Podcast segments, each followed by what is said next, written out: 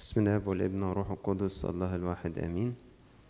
آه زي ما إحنا قلنا أكتر من مرة إنه الآية اللي واخدينها شعار للأمسية هي جاية بحسب النص القبطي اللي جاي على الترجمة السبعينية. فأنا عشان كده هقرأ المزمور مش من النسخة بتاعة الكتاب المقدس لكن من الإجبية.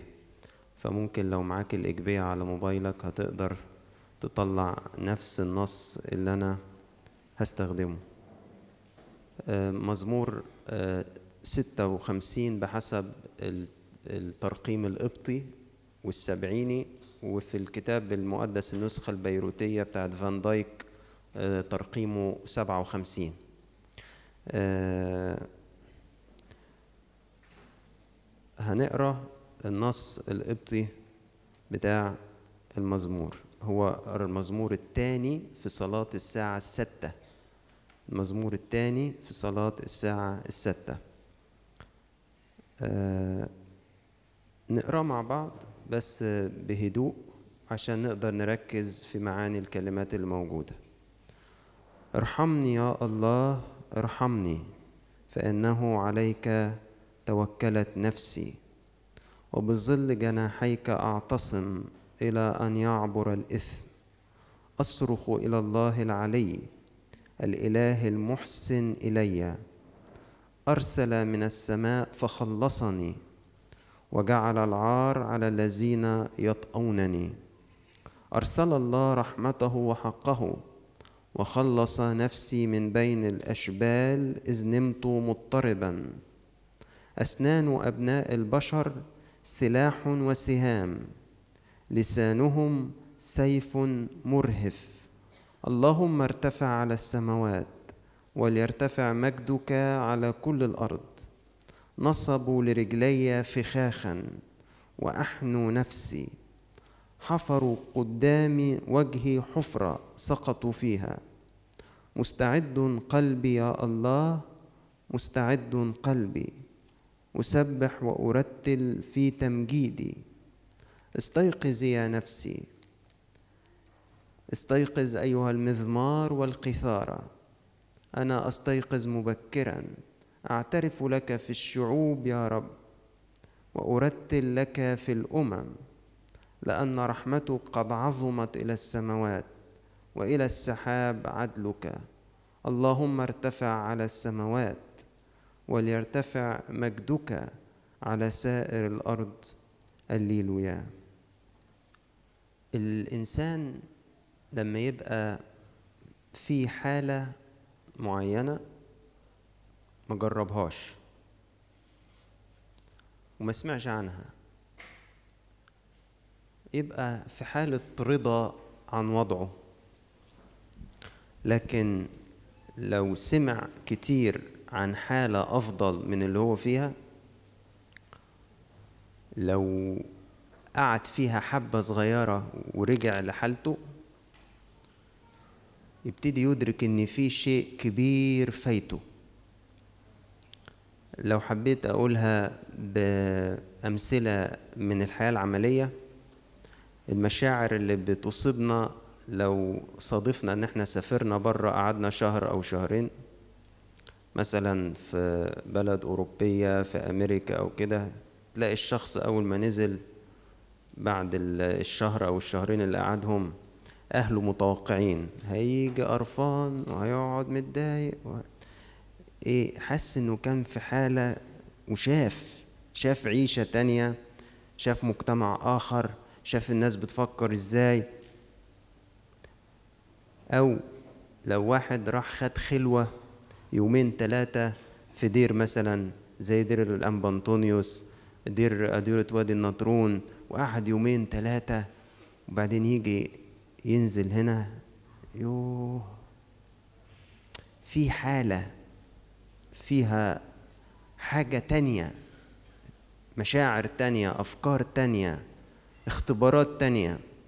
إنسان يبقى في مركز في وظيفة وليه برستيج معين وليه دخل معين وبعدين تلاقي كده إنه آه، حصل تغيير وخلاص ترك هذا المنصب. حس إنه أنا مش مرتاح أنا أنا عايز أرجع لل- للحالة دي. الحياة مع المسيح فيها نفس القصة دي. في ناس ما تعرفش غير المنطقة الروحية اللي هي فيها. لا مرت على منطقة أعمق من كده ولا عرفت حاجة أكتر من كده ولا سمعت إنه يوجد أكتر من كده. زي التلاميذ اللي في سفر أعمال الرسل لما بيقولوا لهم هل قبلتم الروح القدس لما أمنتم؟ قالوا له إيه؟ إحنا تمام إحنا فل على فكرة. ليه؟ إحنا أصلا ما نعرفش إن في إيه؟ روح قدس. الناس دي كانت تمام؟ آه كانت تمام. تمام ليه؟ هي ما تعرفش. ما تعرفش أصلا إن في حاجة أحسن من كده. فمش ما عندهاش مشكلة داخلية. المشكلة بتكون عند اللي داق وفقد عند اللي سمع وعرف ومش عارف يكون كده.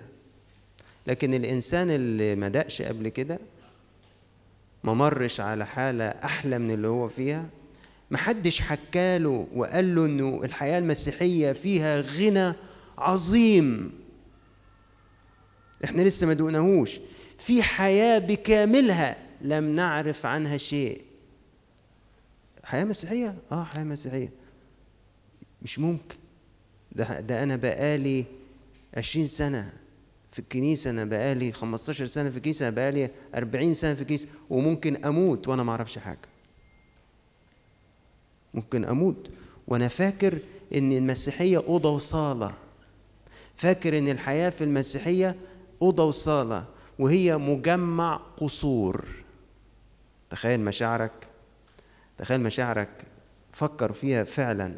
لو أنت قاعد في مجمع قصور ما اتحركتش بره الأوضة والصالة اللي أنت عارفهم. تخيل تعيش 30 و40 سنة من عمرك فاكر إني كل ما تمتلكه من حيز في الحياة تستطيع أن تستفيد منه هو أوضة وصالة. لو ما عرفتش إن أنت داخل مجمع قصور هل عندك مشكلة؟ ما عندكش. تخيل بقى لو ربنا كده يعني حط في سكتك حد وقال لك هو أنت ليه زانق نفسك في الحتة دي. ما ما, ما تخش تطلع تتهوى. ما الدنيا واسعة. أقول له أيوه فعلا ما الأوضة والصالة بتوعي واسعين. أنت شفت اتفرجت على باقي القصر ده؟ قصر إيه؟ أنت الأوضة والصالة دول دول جوه قصر. قصر ضمن مجموعة من القصور. مجموعة. إيه ده؟ صدمة رهيبة. تخيل لو لو عرف المعلومة دي وابتدى يطلع يتحرك. إيه مشاعره؟ إيه مشاعره في اللي فاته من عمر؟ وهو عايش في أوضة وصالة وهو داخل مجمع قصور. إيه مشاعره لو ما لحقش يتفرج على باقي المكان ده؟ إيه مشاعره لو بعد ما طلع وداق روعة اللي بره ورجع تاني لقي نفسه جوه الأوضة والصالة. كل الناس اللي في القاعة هنا بما فيهم أنا في نقطة من هذه النقاط. يا ما أعرفش أصلا إن أنا جوه قصر ضمن مجمع قصور. يا إما يدوب اللي اكتشفت وما بيا حزين على عمر فات أنا فضلت في علاقتي بربنا قاعد في أوضة وصالة. ما بيا إني بعد ما طلعت وبدأت أتفرج واتبسطت فوجئت إني نزلت دروب تاني ورجعت جوه الأوضة والصالة. فكركم مين أكثر ألما؟ اللي طول عمره في الأوضة والصالة وما عرفش إن في قصر ضمن مجمع قصور ولا اللي عرف في مرحلة ما وطلع يبتدي يدوق ولكن رجع تاني للأوضة والصالة. أيهما أكثر ألما؟ اللي عرف وشاف ورجع. عشان كده على فكرة مش كل استقرار بالضرورة هو أمر إيجابي. مش كل راحة داخلية وسلام هو أمر إيجابي. لأنه ممكن يكون ناتج عن إن أنا مش دريان. ومش كل حزن وألم معناه سلبي. لأنه مش هيحزن على فقدان شيء إلا من قد سبق وامتلكه. مش هيحزن حد على فقدان شيء إلا إن كان سبقه إيه؟ وامتلكه. ومش هعرف أحزن على حالة أنا ما رحتهاش قبل كده وما دقتهاش مش هعرف أحزن على حالة أنا ما دقتهاش قبل كده وفقدتها. أه هعرف منين؟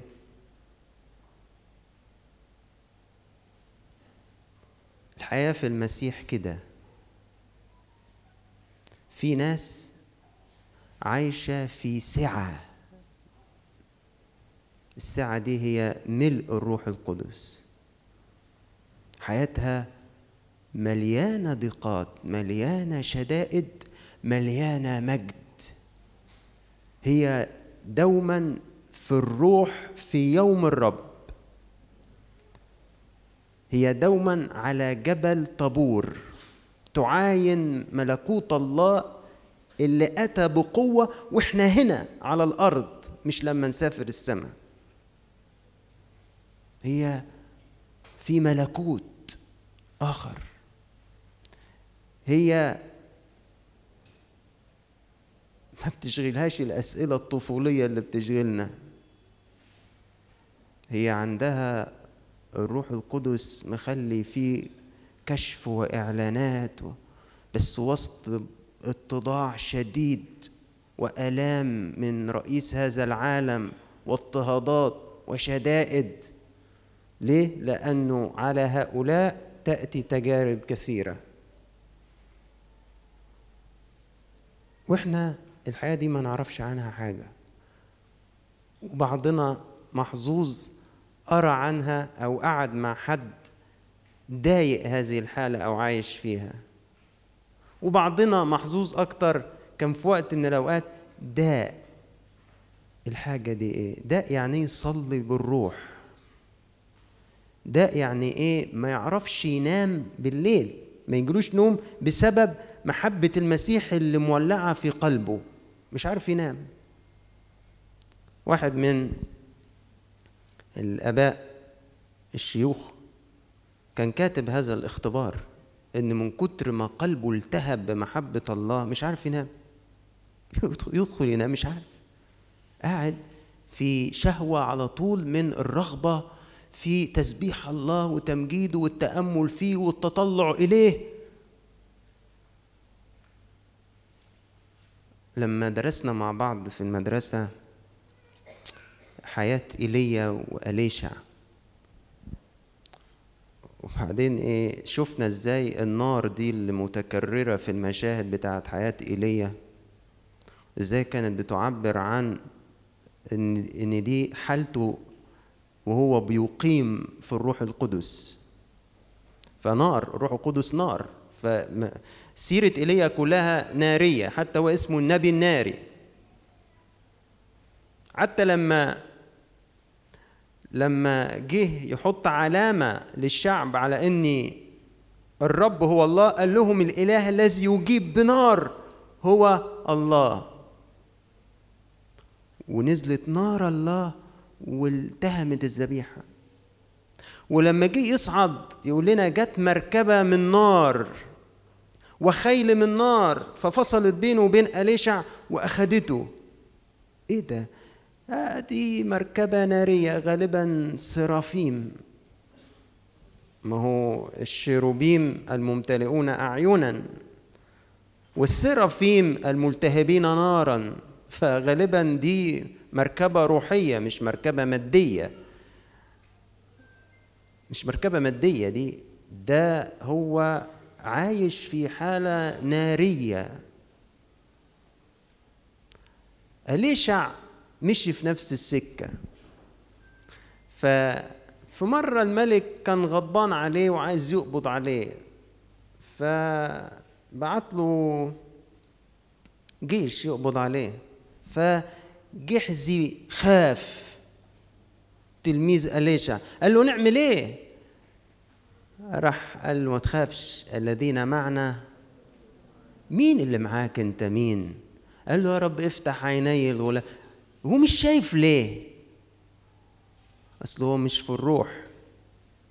طب وأليشع شايف ليه؟ إنه في الروح. إحنا مش شايفين ليه؟ مش في الروح. وسطينا ناس شايفة ليه؟ لأنها في الروح. طب وشاف إيه جحزي لما طلب من أجله أليشع قال لك شاف الجبل مليان مركبات نار وخيل نار. أنا مش عارف إذا كان ده مجد العهد القديم أمال مجد العهد الجديد يكون شكله إيه؟ اللي إحنا مش شايفينه. اللي إحنا مش شايفينه. إحنا مرة ربنا كده أنعم عليا كده بحبة تعزيات كده. فقلت إيه الحياة المسيحية دي؟ إيه المجد العظيم بتاعها ده؟ إيه ده إيه ده؟ وبدأت أحس زي ما أكون إيه حاجة رهيبة. وبعدين جات لي فكرة أنت عارف كل اللي أنت دقته ده من ربنا إيه؟ سلالم طويلة مطلع طويل مليان سلالم. ما تجيبش آخرها. كل اللي أنت مبسوط بيه ده أنت حطيت رجلك كده أهو. تخيل أنت لسه ما نقلتش التانية؟ أنت حطيت دي هنا بس. أنا أنا ما نقلتش دي كده. أنا يدوب واحدة تحت واحدة فوق والتانية ما نقلتهاش حتى. قلت ياه يا يا رب. ما الفوق في إيه؟ مش فوق في السماء. فوق في الطريق الروحي في إيه؟ في إيه تاني؟ إذا كان كل الفرح ده كل الفرح ده الرجل اتحطت واحدة من الاتنين. اتحطت على أول سلمة حتى التانية ما نقلتش معاه يعني ده ما طلعناش خالص. ما طلعناش خالص. والوضع كده أمال إيه؟ أمال الناس اللي مشت قدام دي يبقى فعلا غصب عنهم إن هم يعني سكرانين من الحب الإلهي. يعني مرة قريت لأحد الآباء قال اللي تذوق تذوق ملكوت الله هنا في الصلاة يعرف أن خمس همسة خافتة همسة خافتة من الله لا هي أكثر مجدا من كل ما يستطيع العالم أن يعطيك إياه. هعيد الجملة دي تاني. اللي تذوق ملكوت الله هنا في الصلاة يعلم تماما أن همسة خافتة وشوشة من ربنا وشوشة من ربنا في قلبه أكثر مجدا من كل ما يستطيع أن يمنحك العالم إياه. شوفوا اللي اقتناه الجامعة في سفر الجامعة وإحنا لسه دارسينه قريب فاكرين؟ كاتب هو خد إيه خد إيه خد إيه خد إيه خد إيه خد إيه. هذا الأب الشيخ بيقول اني همسة خافتة وشوشة من ربنا. تعطيك مجد. كل اللي قالك عليه الجامعة في سفر الجامعة ولا حاجة. دي الحياة المسيحية التي لا نعرفها والتي لا أعرفها. نعرفهاش. خسارة ما نعرفهاش. خسارة إن الشاب اللذيذ ده اللي قاعد في الأوضة والصالة ساكن وراضي ومبسوط حياته تنتهي ويعرف إنه كان جوه قصر ضمن مجمع قصور وظل حياته عاشها وماتها ولم يغادر هذه الأوضة والصالة. أمر خسارة إن يبقى الجبل مملوء مركبات نار وخيل نار. وأليشع مقيم في هذا المجد. وجحز ما يعرفش عنه حاجة. ولا شايفه ولا حسه ولا مدركه ولا أي حاجة خالص. يا تخيل الحياة العادية اللي إحنا عايشين فيها طول النهار دي مليانة مركبات نار وخيل نار. ناس عايشة في الحالة دي وحساها بس ناس قليلة للأمانة. قطيع صغير. وضايقينه وعارفينه وحاسينه والغالبية العظمى من البشر. ملهية في هامش الحياة. وفاكرة إن هي دي الحياة وهي في الهامش وهي في الأوضة والصالة. خسارة إنه جوه الكنيسة يبقى في خدمات كتير شغالة طول اليوم بانتظام شديد واهتمام جوه أوضة وصالة. وما ما ما تحركوش يشوفوا ما هو الطول والعرض والعمق والعلو الذي لمحبة المسيح الفائقة المعرفة. إيه ده؟ المرتل بيقول له مستعد قلبي يا الله مستعد قلبي جاهز. جاهز لإيه؟ سياق المزمور بيحط قدامنا ثلاث احتمالات أو ثلاثة مع بعض والقديس أثناسيوس الرسولي بيضيف واحدة رابعة في تفسيره لهذا المزمور. المزمور ده موجود تفسير ليه للقديس أثناسيوس الرسولي.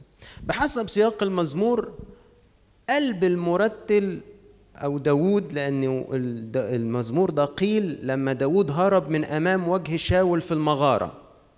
هتلاقي مكتوب كده في الكتاب المقدس بتاعك. لما هرب من أمام وجه شاول في المغارة لما كان بيطارده. القلب المرتل قلب داود مستعد لتسبيح الله. جاهز. جاهز. يعني إيه جاهز؟ يعني في ثانية يكون بيسبح من كل قلبه. أنا بحتاج تمهيد عشر دقايق وربع ساعة ونص ساعة ويمكن فترة التسبيح تخلص وأنا لسه ما بدأتش أسبح. قلب داود ريدي. تتحط الكلمات تطلع تسبحها تيجي الأفكار تطلع تسبحها وتسبحها من كل القلب. قلبه مستعد لتسبيح الله. هو بيقول كده. أسبح وأرتل في تمجيدي. مستعد قلبي يا الله أسبح وأرتل في تمجيدي. في فترات عبادة بكون فيها ميت. في فترات عبادة يضيع مني ترنيمة واثنين ولحن واثنين وثلاثة وأنا مش هنا. قلب داود ما كانش كده قلبه كان ردي قلبي مستعد مستعد قلبي. لإيه؟ لتسبيحك يا رب. أسبح وأرتل في تمجيدي. ياما قداسات راحت. ياما قداسات راحت. دخلناها وطلعناها وإحنا مش موجودين. ياما خدمات تسبيح راحت. دخلناها وطلعنا منها وإحنا مش موجودين. وفي واحد قلبه مستعد. مرة شكوت لأبي الروحي حالي. قلت له أنا كاهن في الكنيسة بس في أوساط عائلية معينة أنا فيها ليا صفة أسرية.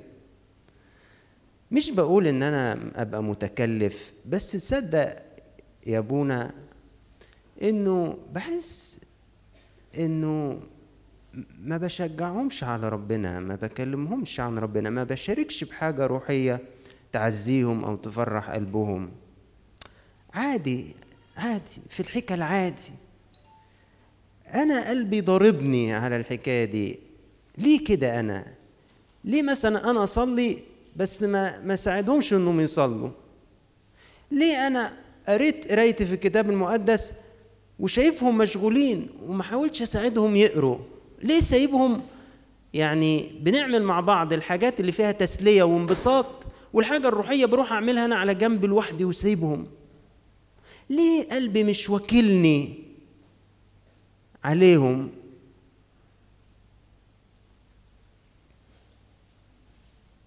أنا مش هقول الإجابة اللي قالها لأبونا بس هقول المرتل هنا في المزمور قال إيه؟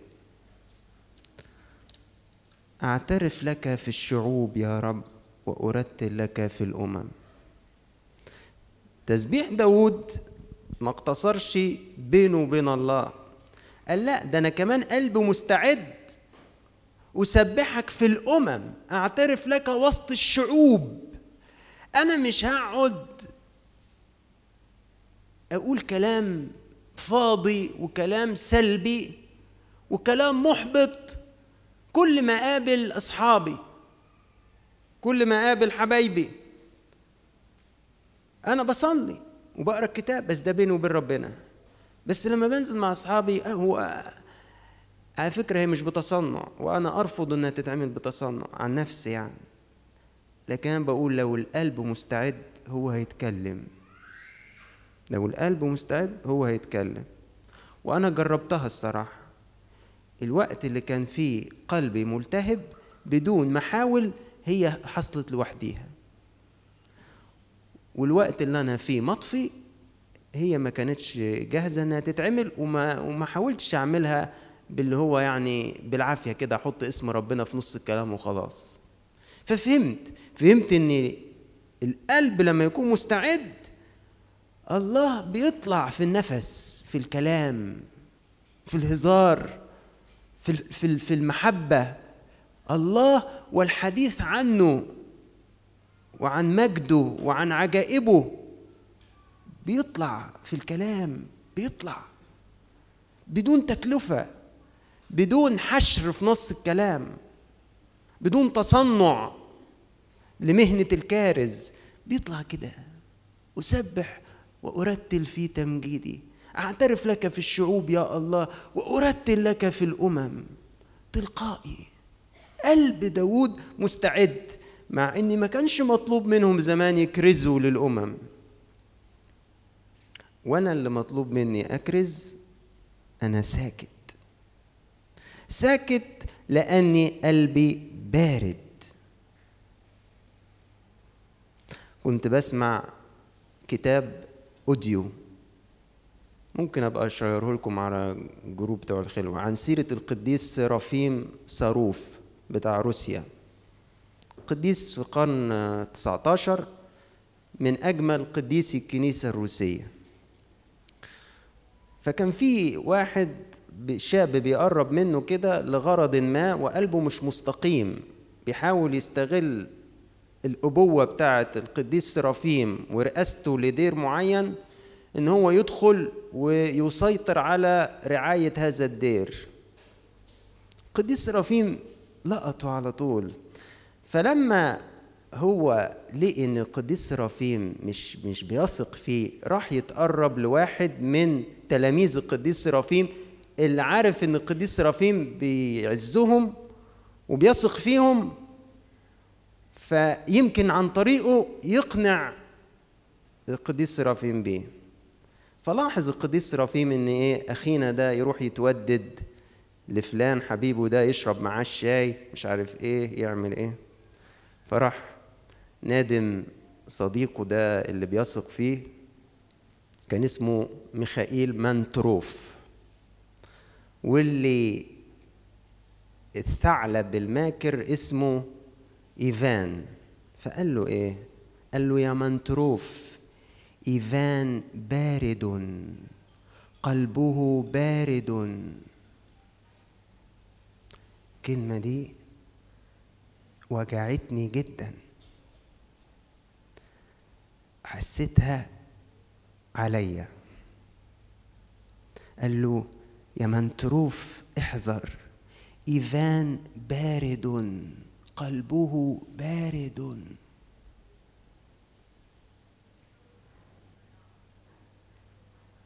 في علاقته بالآخرين أيضا لن يفيدك شيئا. بارد. مش بارد يعني اللغة بتاعتنا إحنا الشباب ما عندوش دم. بارد ليس فيه حرارة الروح. إيفان بارد قلبه بارد. داود عكس كده. مستعد قلبي يا الله. يتحط وسط أمم يشهد لله. يتحط في المغارة يسبح الله. قلبه مستعد. دي تاني نقطة. تالت نقطة مستعد لإيه يا داود مستعد لشركة الصليب. مستعد للألم. المزمور ده مش عبثا حطيته الكنيسة ضمن صلاة الساعة الستة. ده لأنه داود كان بيعاني فيه الاضطهاد والمطاردة من مين؟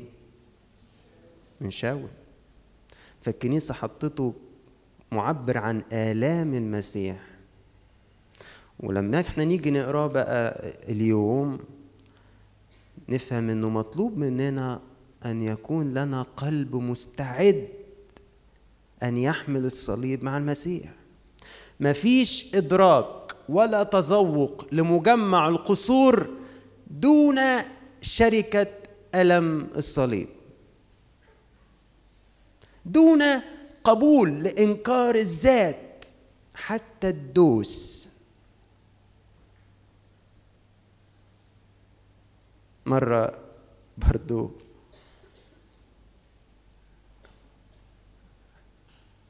أب روحي كده جميل قال لي كلمة. قال لي أنا لما بوعظ ببقى نفسي أختفي خالص خالص عشان الله يبقى مرئي للناس كده أبقى شفاف أو إن طلت أبقى برغوت أدخل تحت السجادة. بص إنكار الذات يوصل لفين؟ شركة صليب إماتة إماتة. مفيش حاجة اسمها الأول مفيش حاجة اسمها المتكئ الأول مفيش حاجة اسمها النصيب الأعظم مفيش حاجة اسمها أنا ورأيي وأنا قلت ويتعمل كيت ويتعمل كيت مفيش الكلام ده. في صبر تجاه هيجان عدو الخير علينا. أول ما يشوفنا كده هنشنش يبتدي بقى مضايقات من أقرب الناس ليك. دواير بيتك القريبة دواير شغلك ظروف الحياة تلاقي الدنيا بتتقلب من حواليك. أنا فهمت هو اللي بيحصل ده ليه؟ فهمت ليه؟ أصل يا دوب رفعت رجلي حطيتها على أول سلمة. أنا حتى ما نقلتش التانية. بس هو مصحصح جامد. مش مهم هكمل في الطريق. مش هخاف. ربنا هيحارب عني. اصل بصراحة ما ينفعش أرجع بعد ما أدركت اللي فايتني ما ينفعش أرجع أقبل إن أعيش من غيره. ليكن خلاص. ما هي كده كده موتة. ما هي كده كده في الآخر هنا الحياة في الجسد هتنتهي لتنتهي بمجد ولتنتهي بشرف ولتنتهي بإدراك للحياة المسيحية الحقيقية والغاية منها. ما في الآخر هيموت. هفضل أخاف عليه ودادي عليه وطبطب عليه يعني هيعيش للأبد ما هيموت. يموت بشرف. يموت وهو أدرك هو كان هنا بيعمل إيه. مستعد قلبي. آخر حاجة بقى اللي ضافها القديس اثناسيوس واللي تعتبر بريدج. هو إزاي القلب يكون مستعد؟ القديس اثناسيوس في تفسيره للمزمور قال المرتل يقول قلبي مستعد لاستقبال النار الإلهية التي للروح القدس. وهي دي مربط الفرس في كل ما تحدثنا عنه. قلبي مستعد لاستقبال النار الإلهية التي لروح القدس. وهي دي اللي يجب إن إحنا نفضل نسمع عنها نقرأ عنها عشان نتشحن بيها ونبتدي نصرخ لله نطلبها. هي دي ملكوت الله الذي أتى بقوة. هي دي الحياة في السماء من هنا. هي دي الخي الجبل اللي مليان مركبات نار وخيل نار. هي دي النار الإلهية. لما قلب حد من ولاد ربنا يستقبل هذه النار الإلهية. هيبقى إيليا هيبقى أليشع هيبقى بولس هيبقى بطرس ويعقوب ويوحنا على جبل طابور. يبقى حاجة تانية خالص خالص خالص. وهيبتدي يدرك إنها ما كانتش أوضة وصالة. ده أنا اللي ضيقتها على روحي. ده مجمع قصور فاخر.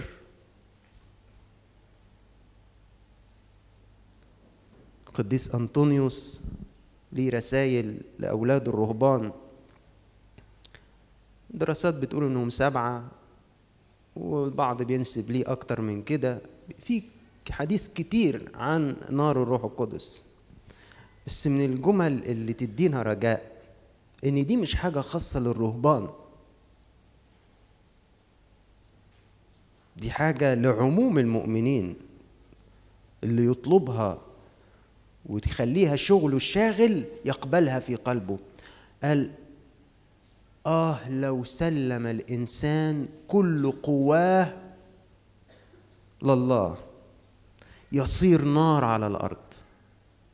يعني لو إنسان إنسان بقى كان بجلابية سودة كان مش عارف بإيه ببنطلون جينز وبلوزة بتيير أي إنسان. إذا سلم كل قواه لله يصير نار على الأرض. حاجة تانية خالص. تشوفها دي لما ينعم عليك ربنا بجلسة مع أحد هؤلاء. تبقى تحس أنا مش عايز أمشي. أنا مش عايز أسيب الشخص ده.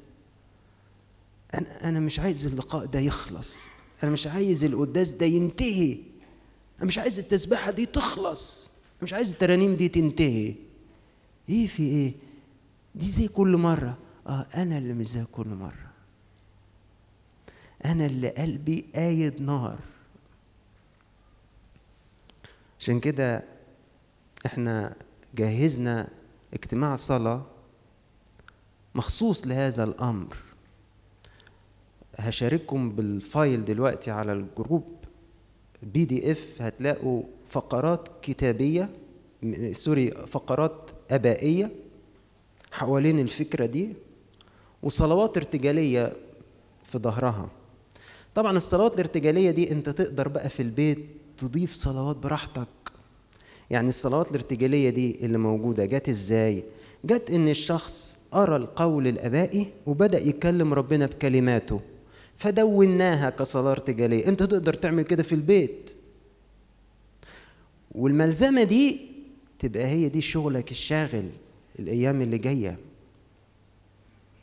عشان الموضوع ده لازم يستحوذ على تفكيرنا. لازم يدخل دماغنا وقلبنا وننشغل بيه ولازم نفضيله وقت. لازم يكون في وقت هادي في اليوم أعمل فيه كده.